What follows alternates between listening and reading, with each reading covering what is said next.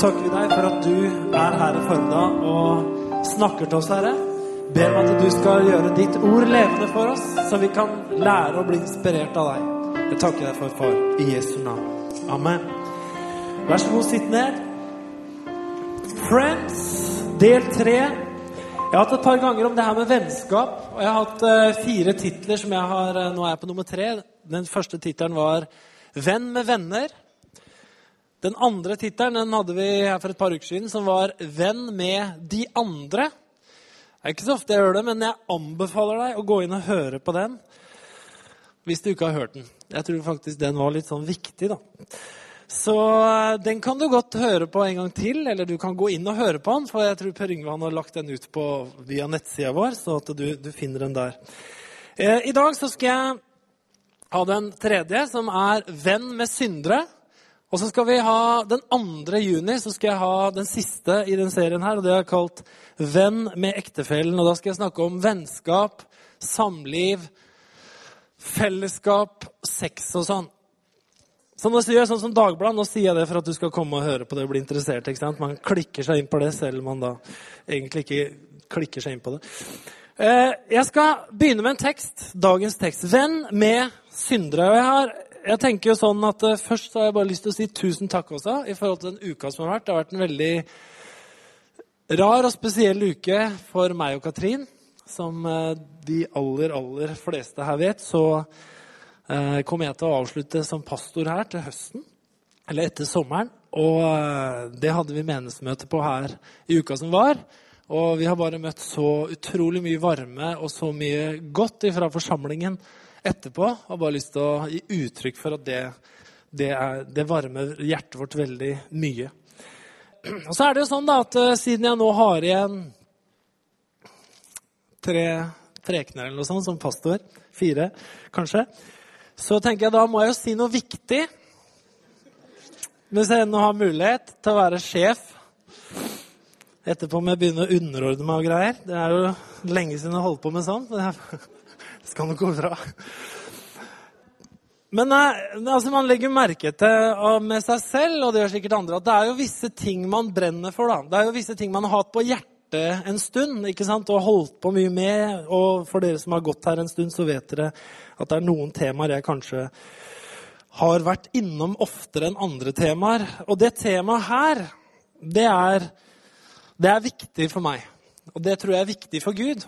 Det her med synderes venn. Venn med syndere. Jeg tror det er kjempeviktig. Eh, og Jesus han er, han er forbildet på det her.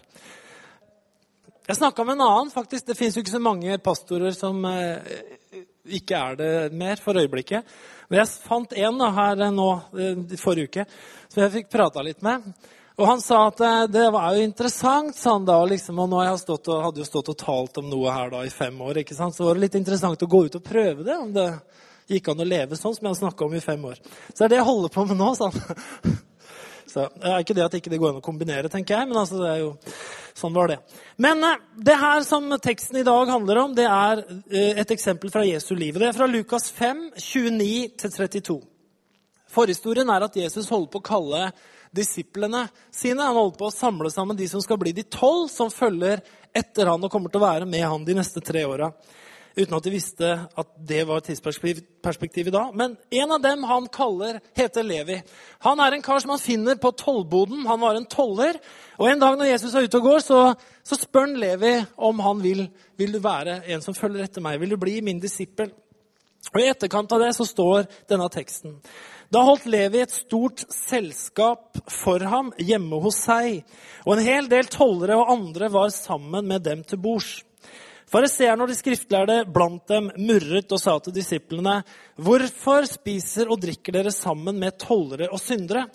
Men Jesus svarte dem, det er ikke de friske som trenger lege, men de syke. Jeg er ikke kommet for å kalle rettferdige, men syndere til omvendelse.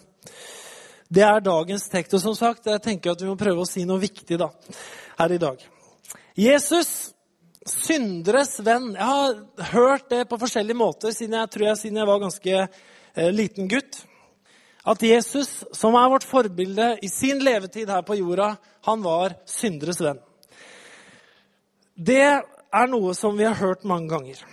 Og den teksten her, den forteller jo noe om Jesus og de menneskene han tilbrakte tid sammen med. For at den settingen her er ikke en sånn engangsforeteelse. Dette var liksom ikke eneste gangen Jesus var i en setting hvor han var sammen med sånne folk som fariseerne kalte for syndere. Det var noe som skjedde flere ganger i Jesus liv. I Jesu liv. Eh, Jesus kaller dem for syke. Han sier det er folk som trenger legedom. Fariseerne kaller dem for syndere. Han eh, ble ganske kritisert av de som så på seg som voktere liksom, av den sunne lære og moralen osv., fariseerne, for at han var sammen med de folka her. Og det er jo Levi, da, det er tolleren, som akkurat har blitt spurt av Jesus om å bli en disippel, som skulle følge Jesus, og som ikke visste at han en gang i framtida kom til å bli en viktig leder for menigheten. For det ble dem jo, disse disiplene. De ble til apostler. Så denne tolleren Levi, som han finner nede på tollboden der og tar med seg, som har mange suspekte venner, han skal en dag bli leder i den kirken som skulle oppstå etter at Jesus dro. Det er ikke teologene, det er ikke predikantene, det er ikke bibellærerne eller profetene som sitter rundt det bordet her denne, på denne festen. Det er et stort selskap av vennene til Levi. Det, være, det, står at han holder et stort selskap. Jeg tenker Det må være, det må være skikkelig stort. Det må være så stort at liksom, eh, du vet, når folk har party, ordentlig party, sånn store partyer, i hvert fall i dag som det er sosiale medier, og sånn, så hender det at når, når det blir stort nok, så begynner folk bare å komme. Jeg vet ikke om så mange av dere har erfart det i deres eget liv. for å si det sånn. Jeg har hørt om det da. At det, Party blir så stort at det går rykter at det der er et svært party. Skal vi stikke dit? ikke sant? Så kommer det plutselig en gjeng på fem-seks stykker. og Var dere invitert, egentlig? Nei, men vi hørte det skjedde noe her, så vi kommer. Skjer gjerne blant folk som er litt yngre enn oss. Men i hvert fall så skjer det her at fariseerne er jo også på det partyet det er helt tydelig at de sitter ikke ved bordet og spiser. Hvis ikke så hadde du ikke kritisert Jesus og disiplene for at de spiste sammen med tollere og syndere, men de var der. Og de så det, og de observerte det, og de kritiserte det. Det må altså vært ganske mye folk der. Det må ha vært de som var invitert, og så måtte det vært en del rundt omkring. Og jeg liksom lurer på, Hva gjorde egentlig fariseerne der? Var det der av nysgjerrighet? Var de der for å sjekke ut hvem som gjorde hva, hvem som snakka med hvem, hvem som spiste og drakk sammen med hvem? Når de allikevel bare var der og kritiserte festen? Levi kommer nemlig fra et, et korrupt miljø. Den kommende kirkelederen kommer ut fra et korrupt miljø. Han kommer ut fra et mistenkeliggjort miljø. Han kommer ut fra et miljø som ikke var vel ansett blant jødene. Han var toller. Og tollerne var ikke populære i Israel. De var toller og syndere. Det var liksom like ille begge deler. Fordi at Tollerne de jobba for altså De var jo skatteinnkrevere. Og alle vet det at hvis de ringer fra Norsk Tipping og Lotto, så blir du glad, ikke sant? Men hvis det ringer fra skatteinnkreveren, så kjenner du kanskje sannsynligvis en liten sånn med en gang. Hva er det nå? Det er fra skatteinnkreveren. Er det deg jeg snakker med? Ja. Eh, de var jo skatteinnkrevere, avgiftsinnkrevere, på vegne av den romerske okkupasjonsmakten. Så de var jo ekstra upopulære. Det var jo litt som om man hadde tollere sant, som jobba på vegne av tyskerne under andre verdenskrig, eller noe sånt, som drev og tok inn avgifter for ok ok okkupasjonsmakten. Ikke sånn kjempepopulært. I tillegg så var tollerne så privilegerte at de tok ekstra avgifter og putta i egen lomme, og ble ganske rike på det. Vi har en som heter Sakkeus også, som vi sang om på søndagsskolen. Sa som klatra opp i et jordbærtre, som kona mi trodde det het. Nå et morbærtre. Eh, og, men som hadde bemidla seg, og som sa at alt det jeg har tatt for mye, ikke sant, skal jeg gi tilbake fire ganger når han kom til en omvendelse. Men tollerne var ikke veldig godt ansett egentlig blant folket. Så det er dette miljøet her som Levi kommer fra. Og på denne festen så er altså Jesus sammen med sin nye disippel og vennene hans, som jo er selvfølgelig hele tollstasjonen og andre. Han sitter der. Og det viser seg at Jesus han har gjort et veivalg. Han har en veldig tydelig bevissthet om hvorfor han har kommet. Han er ikke, sier han, kommet for å kalle rettferdige men han har kommet for å kalle syndere til omvendelse. Det er på en måte dem han forholder seg til. Det er dem han oppsøker. Det er dem han er til for. De rettferdige det synes, det synes ikke som han bryr seg nevneverdig om dem. Det synes ikke som han bruker mye energi på dem. Det kan synes som at de rettferdige, de er Hva skal vi kalle det? De er, eh, de har nok med seg sjøl. De er liksom selvforsynte. De har allerede rettferdigheten inne. De er sterke i seg sjøl. Og de forakter og de holder avstand til de her synderne og de som er svake osv. Men egentlig så er jo det er jo de som er de største, største synderne av alle. Tenk på Paulus. Han sier om seg sjøl at, at, han levde feilfritt etter loven før han møtte Jesus. Altså han, han hadde en så høy standard i livet sitt, han som het Saulus, som ble til Paulus. Han hadde jo ikke feil i sine egne øyne. Han levde feilfritt etter loven. Helt til den dagen han møter Jesus, og hele korthuset hans raser sammen. Og Så sier han seinere, når han skriver til Timoteus, at 'jeg ble frelst', sier han, 'jeg som var den største synder av alle'. Men jeg tror de fariseerne, de her som var vokterne av loven osv., de, de så ikke det. De var blinde. Men synderne de trengte en frelser. De trengte en som kunne komme og lege dem osv. osv. Når Jesus sier at han har kommet for å kalle syndere til omvendelse, så er det veldig ofte at vi tenker på på grunn av en, måte, en forkynnelse som har vært veldig mye, at omvendelse handler om å vende om fra det ene eller det andre. Og det kan det være, og vi finner altså det i Bibelen. Men grunnleggende, når, når Nytestamentet snakker om omvendelse, så snakker det ikke om at du skal vende om fra å, at, du, at, du, røyker eller noe sånt. ikke sant? Du kan godt slutte med det. Det er kjempefint. Veldig bra. Sunt og sånn. Men den snakker om vend om fra ikke å tro til å tro. Vend om å tro evangeliet, hører vi Apostlenes gjerninger 2. Når Peter forkynner til jøder og alle folkeslag på første pinsedag, eller på pinsefestens dag, så sier han 'omvend dere og tro på evangeliet'. sier han. Omvend dere og tro at Jesus er Messias, Guds sønn. Han, er, han snakker ikke først og fremst om omvendelse fra forskjellige saker, og ting, men han snakker om 'venn om og tro'. Og jeg tror det er den omvendelsen Jesus grunnleggende snakker om her. At de har kommet for å kalle syndere til omvendelse. Altså at de snur blikket bort fra det som ødelegger dem, og på meg, på han, på han som er frelser. Og så kommer det andre. Det kommer etterpå. Det kalles for helliggjørelse. Omvendelse var det han hadde blitt kalt Levi. Og jeg tenker at Dette var en sånn omvendelsens dag for Levi. Han hadde bestemt seg for å følge etter Jesus. For en fin måte å starte disippellivet på. Wow, dette må vi feire! La oss lage en fest! La oss lage et party, la oss feire at jeg skal få lov å følge etter Jesus. Og så starte den vandringa her. Utrolig bra.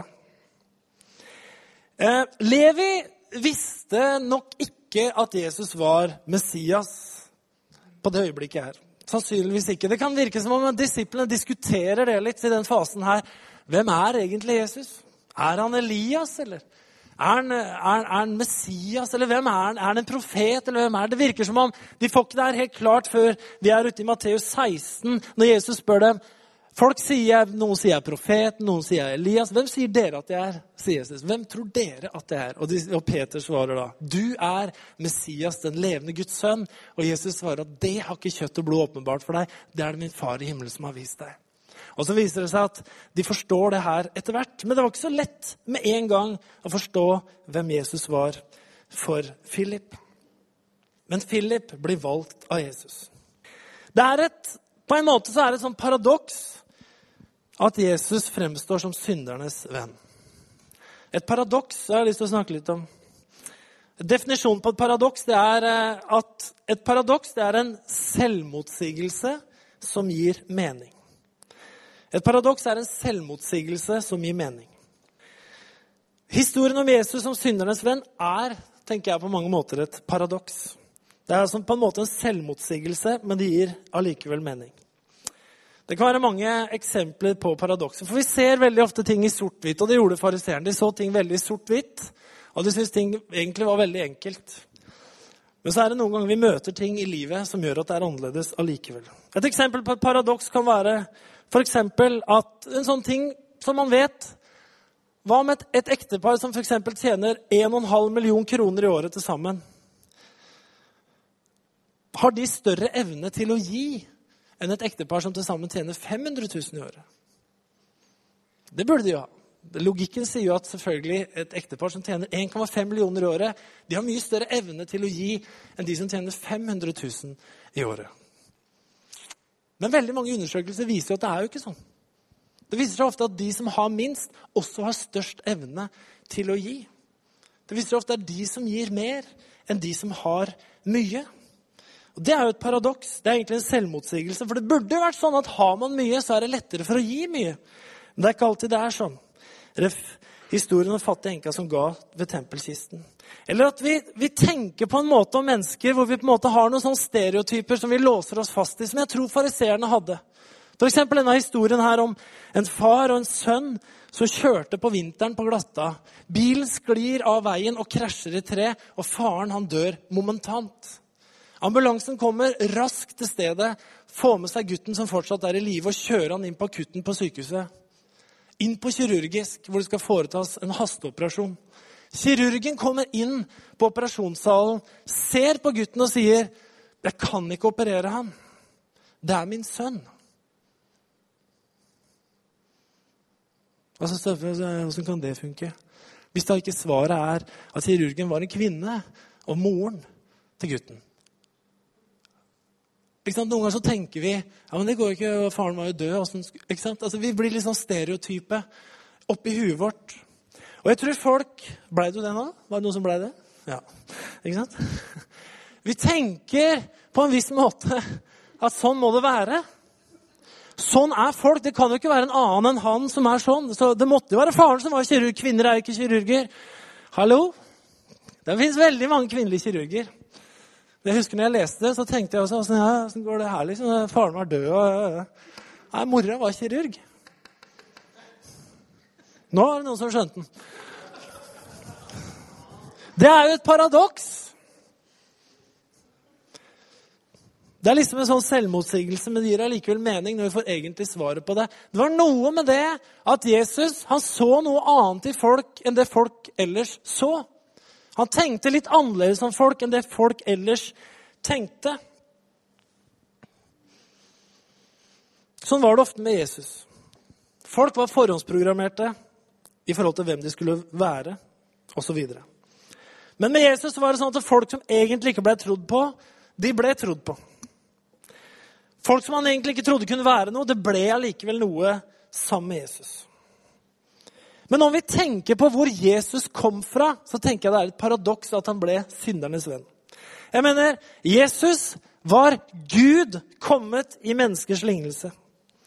Han var selv absolutt feilfri. Han var selv absolutt uten synd, både i tanke og handling. Han var selv hellig og ren. Dette var Jesus. Han var den hellige uten feil og mangler uten synd i livet sitt noen gang. Og På bakgrunn av det så skulle man tro at Jesus kom til å oppsøke de som ligna mest mulig på han sjøl. De som var nærmest han som ideal. De som var mest mulig lik han.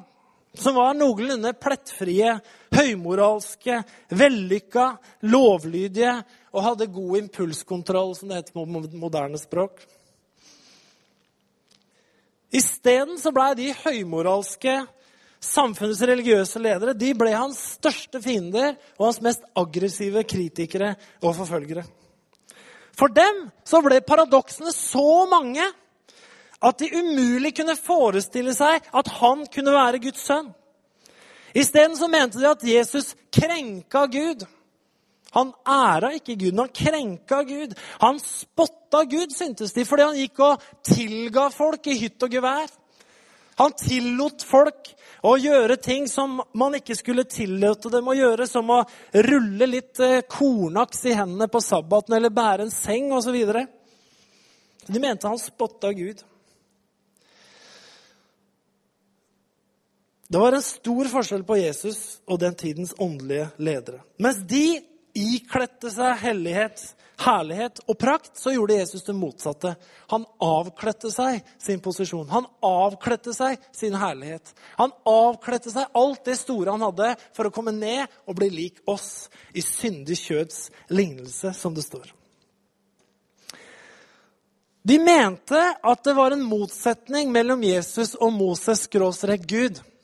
Derfor så var det den dagen de måtte teste Jesus. For han er jo full av motsetninger, han er jo full av paradokser. den mannen her. Hvordan kan han representere en hellig Gud når han samtidig sitter sammen med de han sitter sammen med, går sammen med de han går sammen med, og bruker tid med sånne mennesker som er syndige? Så den dagen de bestemmer seg for å teste Jesus, har de gjort et skup på en eller annen måte så har de fått luska rundt i husene, helt inn i soveromsgardinene og kikka på og fått tak i ei dame som har sex med en mann som hun ikke er gift med. Glory. Her har vi en case. Noen må ha rusha inn på soverommet. Noen må ha liksom fått tak i den dama her i akten, for å si det sånn. For å si vi har gripet henne på fersk gjerning. Har ikke sjans, Det er ikke et rykte engang. Vi har gripet henne på fersk gjerning. Vi så henne. Og han, jeg vet ikke hva de gjorde med mannen. Han gikk tydeligvis fri. Men den dama her skulle de ha tak i, hvor de drar henne ned til Jesus. Og de har jo liksom da hele paradokset stilt opp, da. Jesus, hva sier du nå? Jeg synes nesten jeg ser hvor fornøyd de var. Jeg tenker at nå har vi den. Nå har vi den. Endelig har vi den. Altså, Moses sier at denne kvinnen skal steines. Er det ikke fint, brødre? Det er det Moses sier. Men Jesus, hva sier du? Nå har vi det. Det er tatt på fersk gjerning. Det er, liksom, det er vanntett sak. Du har ingen steder du kan stikke av nå. Og så er Jesus der. Han som overfor disiplene har forsvart og bekrefta Moses og sagt ikke en tøddel av loven skal få gå. Alt det som Moses sier, skal dere gjøre. Der sitter han. Han er jo forvirrende, den typen her. På den ene sida sier han at man skal gjøre det Moses sier. og På den andre sida driver han med andre ting også. Men nå har vi en sak her. Og så kjenner dere historien, dere som er her i dag. Jesus blir stille, sier ikke noe, begynner ikke å diskutere. Skriver litt i sanda. Jeg vet ikke hva han skrev. Jeg hørte en tale om den teksten en gang av en som het Reinhard Bunke som sa I know what he wrote in the sand. He wrote 'guilty'. Og når han preka om det, så skjønte jeg at måtte være det han skrev. Guilty. Skyldige. Den første av dere som er uten synd, kan kaste Den av dere som er uten synd, kan kaste den første, første steinen. Og så går de alle sammen. Og så er paradokset der allikevel. Hvordan kan han som er hellig, han som holdt fast på det som sto i Det gamle testamentet, som levde etter det, allikevel frikjenne denne dama her? Og Det er det som er greia som vi må skjønne. For Jesus, når han snakker til fariseerne et annet sted, så sier han dere gjør alt riktig, altså. Men dere, dere forsømmer én ting som veier tyngre i loven, og det er barmhjertighet. Det var den store forskjellen på Jesus. Bibelen er full av paradokser på det her. På den ene sida er undervisningen, om du leser den, både til Jesus og i brevene i Nyttestamentet, er fulle av formaninger om levesett, forbilder, standarder. Mens det samtidig, på den andre sida, er god plass til dem som det har gått mest i stykker for. Bibelen er full av historier om sånne folk. Alt fra Paul, Saulus, som ble til Paulus, som skrev en tredjedel av Det nye testamentet. En selvrettferdig type som hadde liksom alt i sin hule hånd, men som endte opp som en morder, en etterfølger av kirken. Hvor han dro ut både hele familier ut av huset og fikk dem fengsla og drept. Han blir apostel. Maria Magdalena, som det står at Jesus fikk et nært forhold til. Besatt av onde ånder, plaga. Mange mener hun var en prostituert. Men hun møter Jesus og blir en av de aller mest hengivne kvinnene som var rundt ham. Den som har, fått, den som har gjort mye synd, han får også mye nåde. Han elsker mye, snakker Jesus om. Dette er for meg noe av det spennende med Jesus. Jeg syns alltid det her har vært spennende de siste åra. At en som selv var ren og hellig og uten feil, samtidig hadde så stor plass til mennesker som sleit med det meste i livet. Han hadde plass til folk som var langt fra å være vellykka. Og det er egentlig et stort paradoks, men det er en selvmotsigelse som gir mening. Jeg tenker at Enhver kirke og kirken i det store kan falle, kan falle i to grøfter. Det første alternativet er at man kan ende opp ene og alene som en sånn moralens og etikkens vokter. En kirke som er redd for å ha mennesker blant seg som ikke oppfyller standardene og etikken.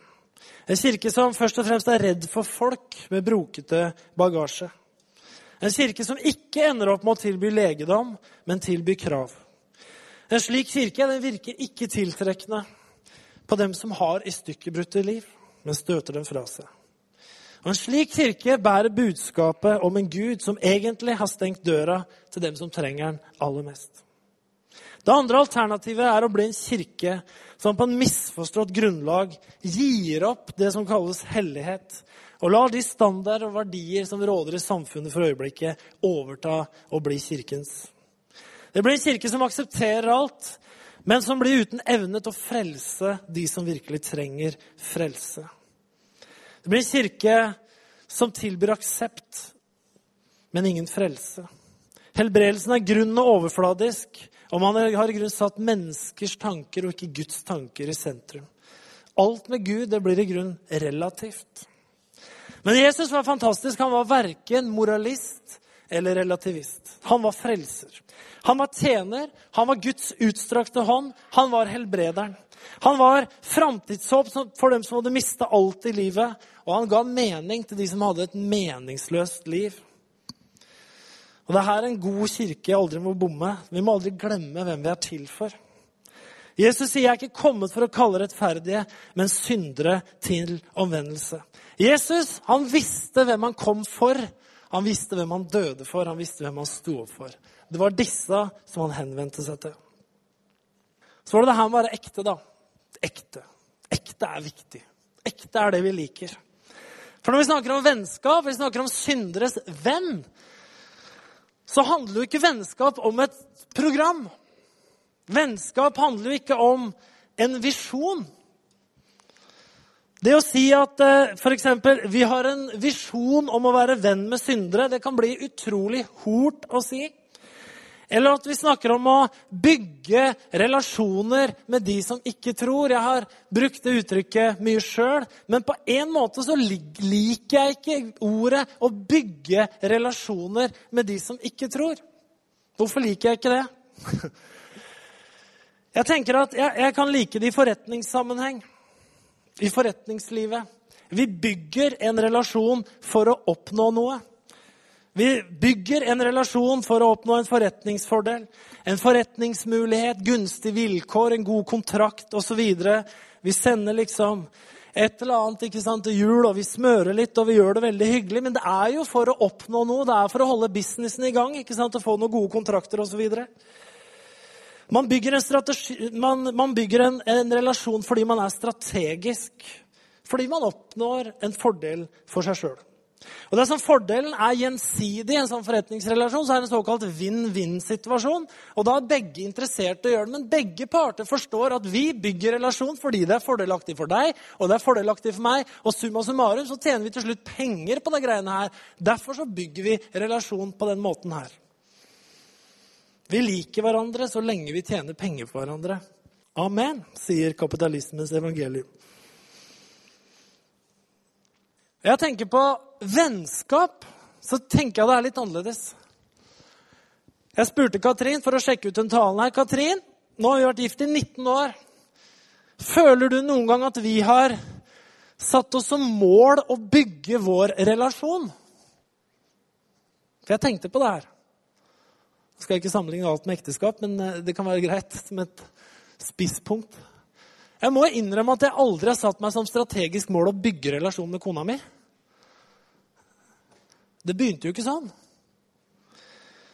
Det, med de som jeg tenker på er kompisene mine, så har jeg faktisk aldri tenkt på at jeg må sørge for å bygge relasjon med dem. Det har liksom aldri skjedd sånn. Det har aldri vært en strategisk greie for meg. Eh, det at man får relasjon i en sånn sammenheng har et annet utgangspunkt. Jeg, jeg endte opp med å stadig begynne å ringe til henne og ville treffe henne fordi jeg likte henne utrolig godt. Det er, det er, derfor vår relasjon ble til.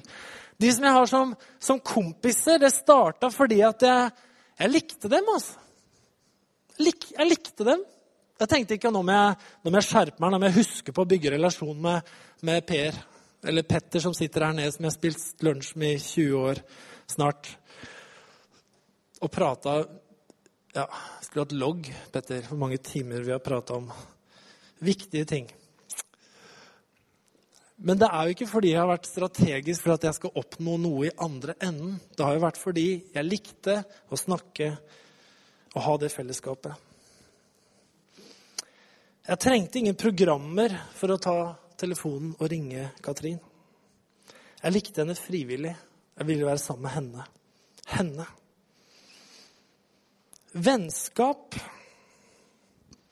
handler aldri om at en relasjon er et middel for å nå noe på egne vegne i den andre enden.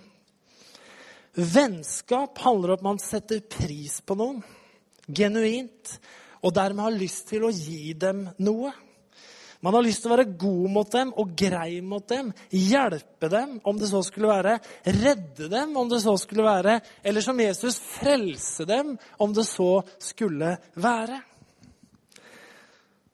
Jeg må sette ting bare litt sånn på spissen. ikke sant? Men jeg tenker at en kirke blir dårlig dersom den blir opptatt av å bygge vennskap og bygge relasjoner fordi man har et egentlig annet overordna mål som man skal nå lenger framme enn vennskapet i seg sjøl.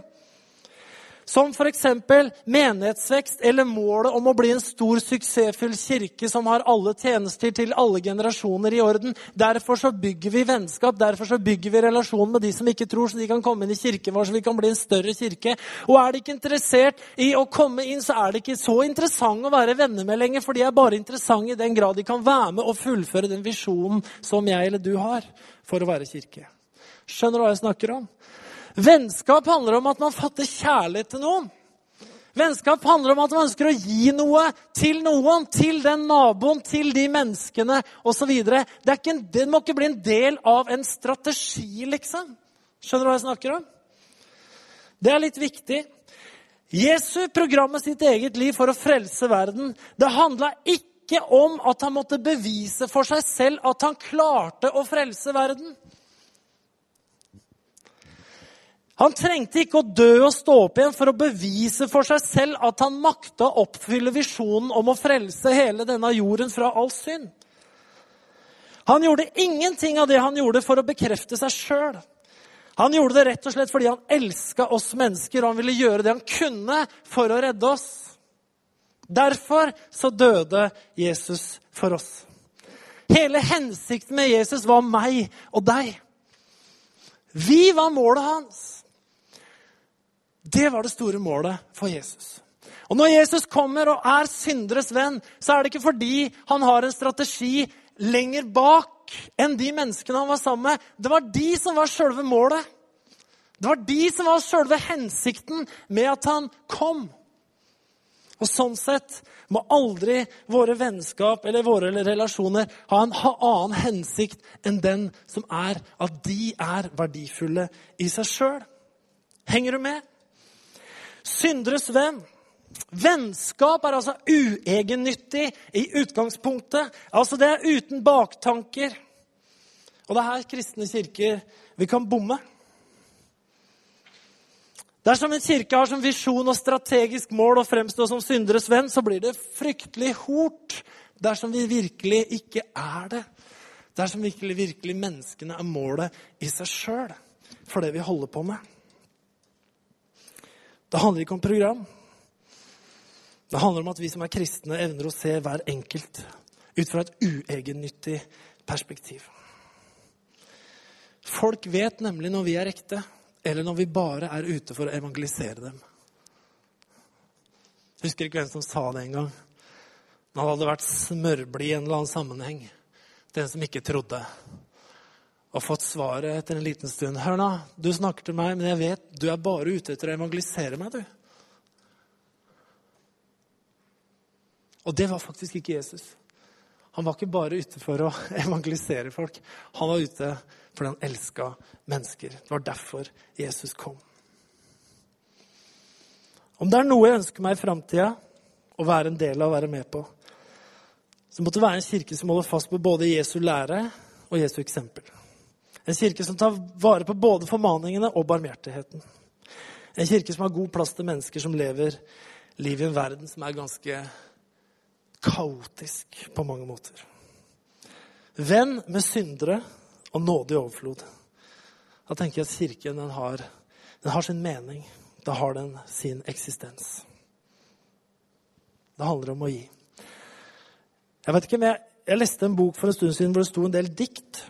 Jeg har ikke akkurat vært en stor diktleser, men det sto ett fint dikt der av en som heter Rolf Jacobsen. Som heter 'Hvis du vil'. Kan, musikerne kan egentlig komme opp. 'Hvis du vil', heter det. Og han skriver 'Har du varme nok?' Du har. Søvnen, tankene er gitt deg gratis, men varmen i deg må du gi og gi igjen og igjen. Også du kan si et ord om glede. Du har en hånd varm hvis du vil. Jeg takker deg, Herre, for at du kom for å frelse. Takk, Herre, at du kom ikke for å bevise noe for deg sjøl. Du kom ikke fordi du oppretta et prosjekt som du skulle se på etterpå som et verk du bare hadde fullført for din egen del. Men Herre, du kom for du så oss. Du så våre problemer, du så våre sår. Du så våre sykdommer, du så våre mangler, du så vår synd, Herre. Og takker deg, Jesus Kristus, for at du kom for å frelse oss. Takk for at du hadde ikke et annet mål borta for oss, Herre.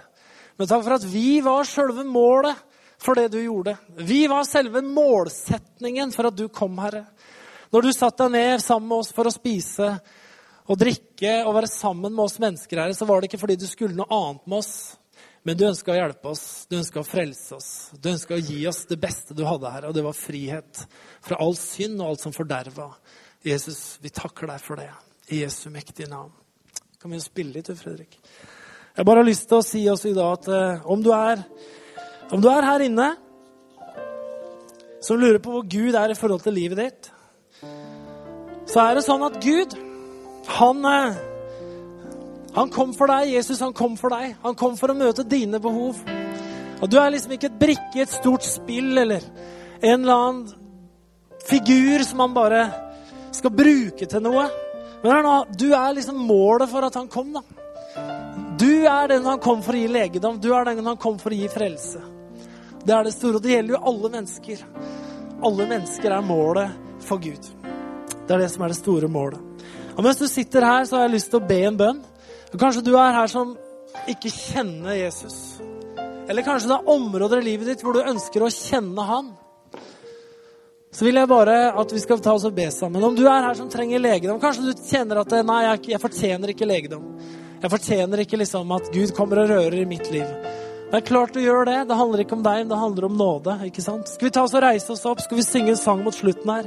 Og så skal vi, skal vi be en bønn. Hvis alle lukker øynene, så vil jeg bare spørre Er du her i i formiddag som har noe i livet ditt som du kjenner at Gud må røre ved? Kanskje du trenger legedom. Jesus er her for deg. Han er her for deg for å gi deg legedom. Så ta så Rekk opp hånda di, enten det er til ånd, sjel eller kropp. Så bare be vi sammen, for han er her for deg. i Jesu navn. Kan du rekke opp hånda di akkurat nå? Gud velsigne deg. Mange hender her. Jeg takker deg, Jesus, for at du er her i rommet akkurat nå. Jeg takker deg, Jesus, for at du ser dem som rekker opp hånda. Takk for at du kom med din legedom akkurat nå, Herre. Takk for at du er deres venn, Herre. Takk for du elska dem allerede før de bekjente deg, før de kjente deg. Jesus, mens vi ennå var syndere, så elska du oss og ga ditt liv for oss, Herre. Hvor mye mer er ikke du med oss nå som vi kjenner deg? Hvor mye mer er ikke du med oss, Herre, nå som vi har fått bekjenne deg som frelser og Herre? Så takk for legedom i Jesu navn. Takk for legedom til kroppene. Takk for legedom, Herre, til ånd, sjel og kropp. Herre, akkurat nå. La din nåde strømme inn i livet til de som rakk opp hånda akkurat nå. La dem få kjenne det at du er for dem og ikke imot dem. At du er med dem og ikke imot dem, Herre. I Jesu mektige navn så takker vi deg, Herre, for at vi er viktige for deg. Du døde for hver eneste en av oss, far, for at vi skulle finne liv og overflod i Jesu mektige navn. Takk for du har satt våre føtter på trygg grunn. Takk for at vi får stå på en klippe som aldri rokkes, Herre. Takk for at vi får stå med føttene planta på noe som ikke vi har bygd sjøl, Herre, men som er deg. Takk for at vi får stå med føttene planta på noe som ikke kan rokkes, Herre. Noe som ikke kan rives bort under oss, Herre. Men Herre, takk for at du er grunnvollen som vi står på. Takk for at du er er klippen som er fundamentert under oss, Herre. Så uansett hva som skjer i våre liv, Herre, så er du der, Herre, som urokkelig støtte, Herre. Ubrytelig og uendelig, Herre. Vi priser deg for det. Og jeg takker deg, Far i himmelen, for at du skal lære oss Så lenge vi lever, Herre, må du lære oss igjen og igjen å vende tilbake til det som var det viktige for deg, Herre. Og det var kjærligheten som tror alt, håper alt, utholder alt, orker alt, Herre. Og vi priser deg for det, Herre. At du vil hjelpe oss videre i våre liv, Herre. På våre veier, Herre. Så vi kan gå på dine veier. I din ånd, Herre. I din kjærlighet, Herre. Med ditt perspektiv, Jesus Kristus. Og så ber vi for byen vår. Vi ber for alle menneskene som vi har rundt oss, Herre. At vi må aldri se dem som noe annet, Herre, enn det du har skapt dem til å være. At vi må se verdien i den enkelte, Herre. At vi får se verdien både hos de som såkalt er vellykka, og hos de som allting har gått i stykker for, Herre. Takk, Herre, for du døde for dem i Jesus Jesu mektige navn. Takk, Herre, for at du kom for å frelse hver eneste en av oss, Herre. Takk at vi var endemålet med det du gjorde her på jorden. Og så priser vi deg for alt som ligger foran, at ditt rike skal gjenopprettes, og ditt rike skal få makt, Herre. Og flere og flere skal lære å kjenne deg. Vi priser deg for det, far. I Jesu mektige navn. Vi takker deg. Amen og amen. La oss synge en sang sammen til slutt.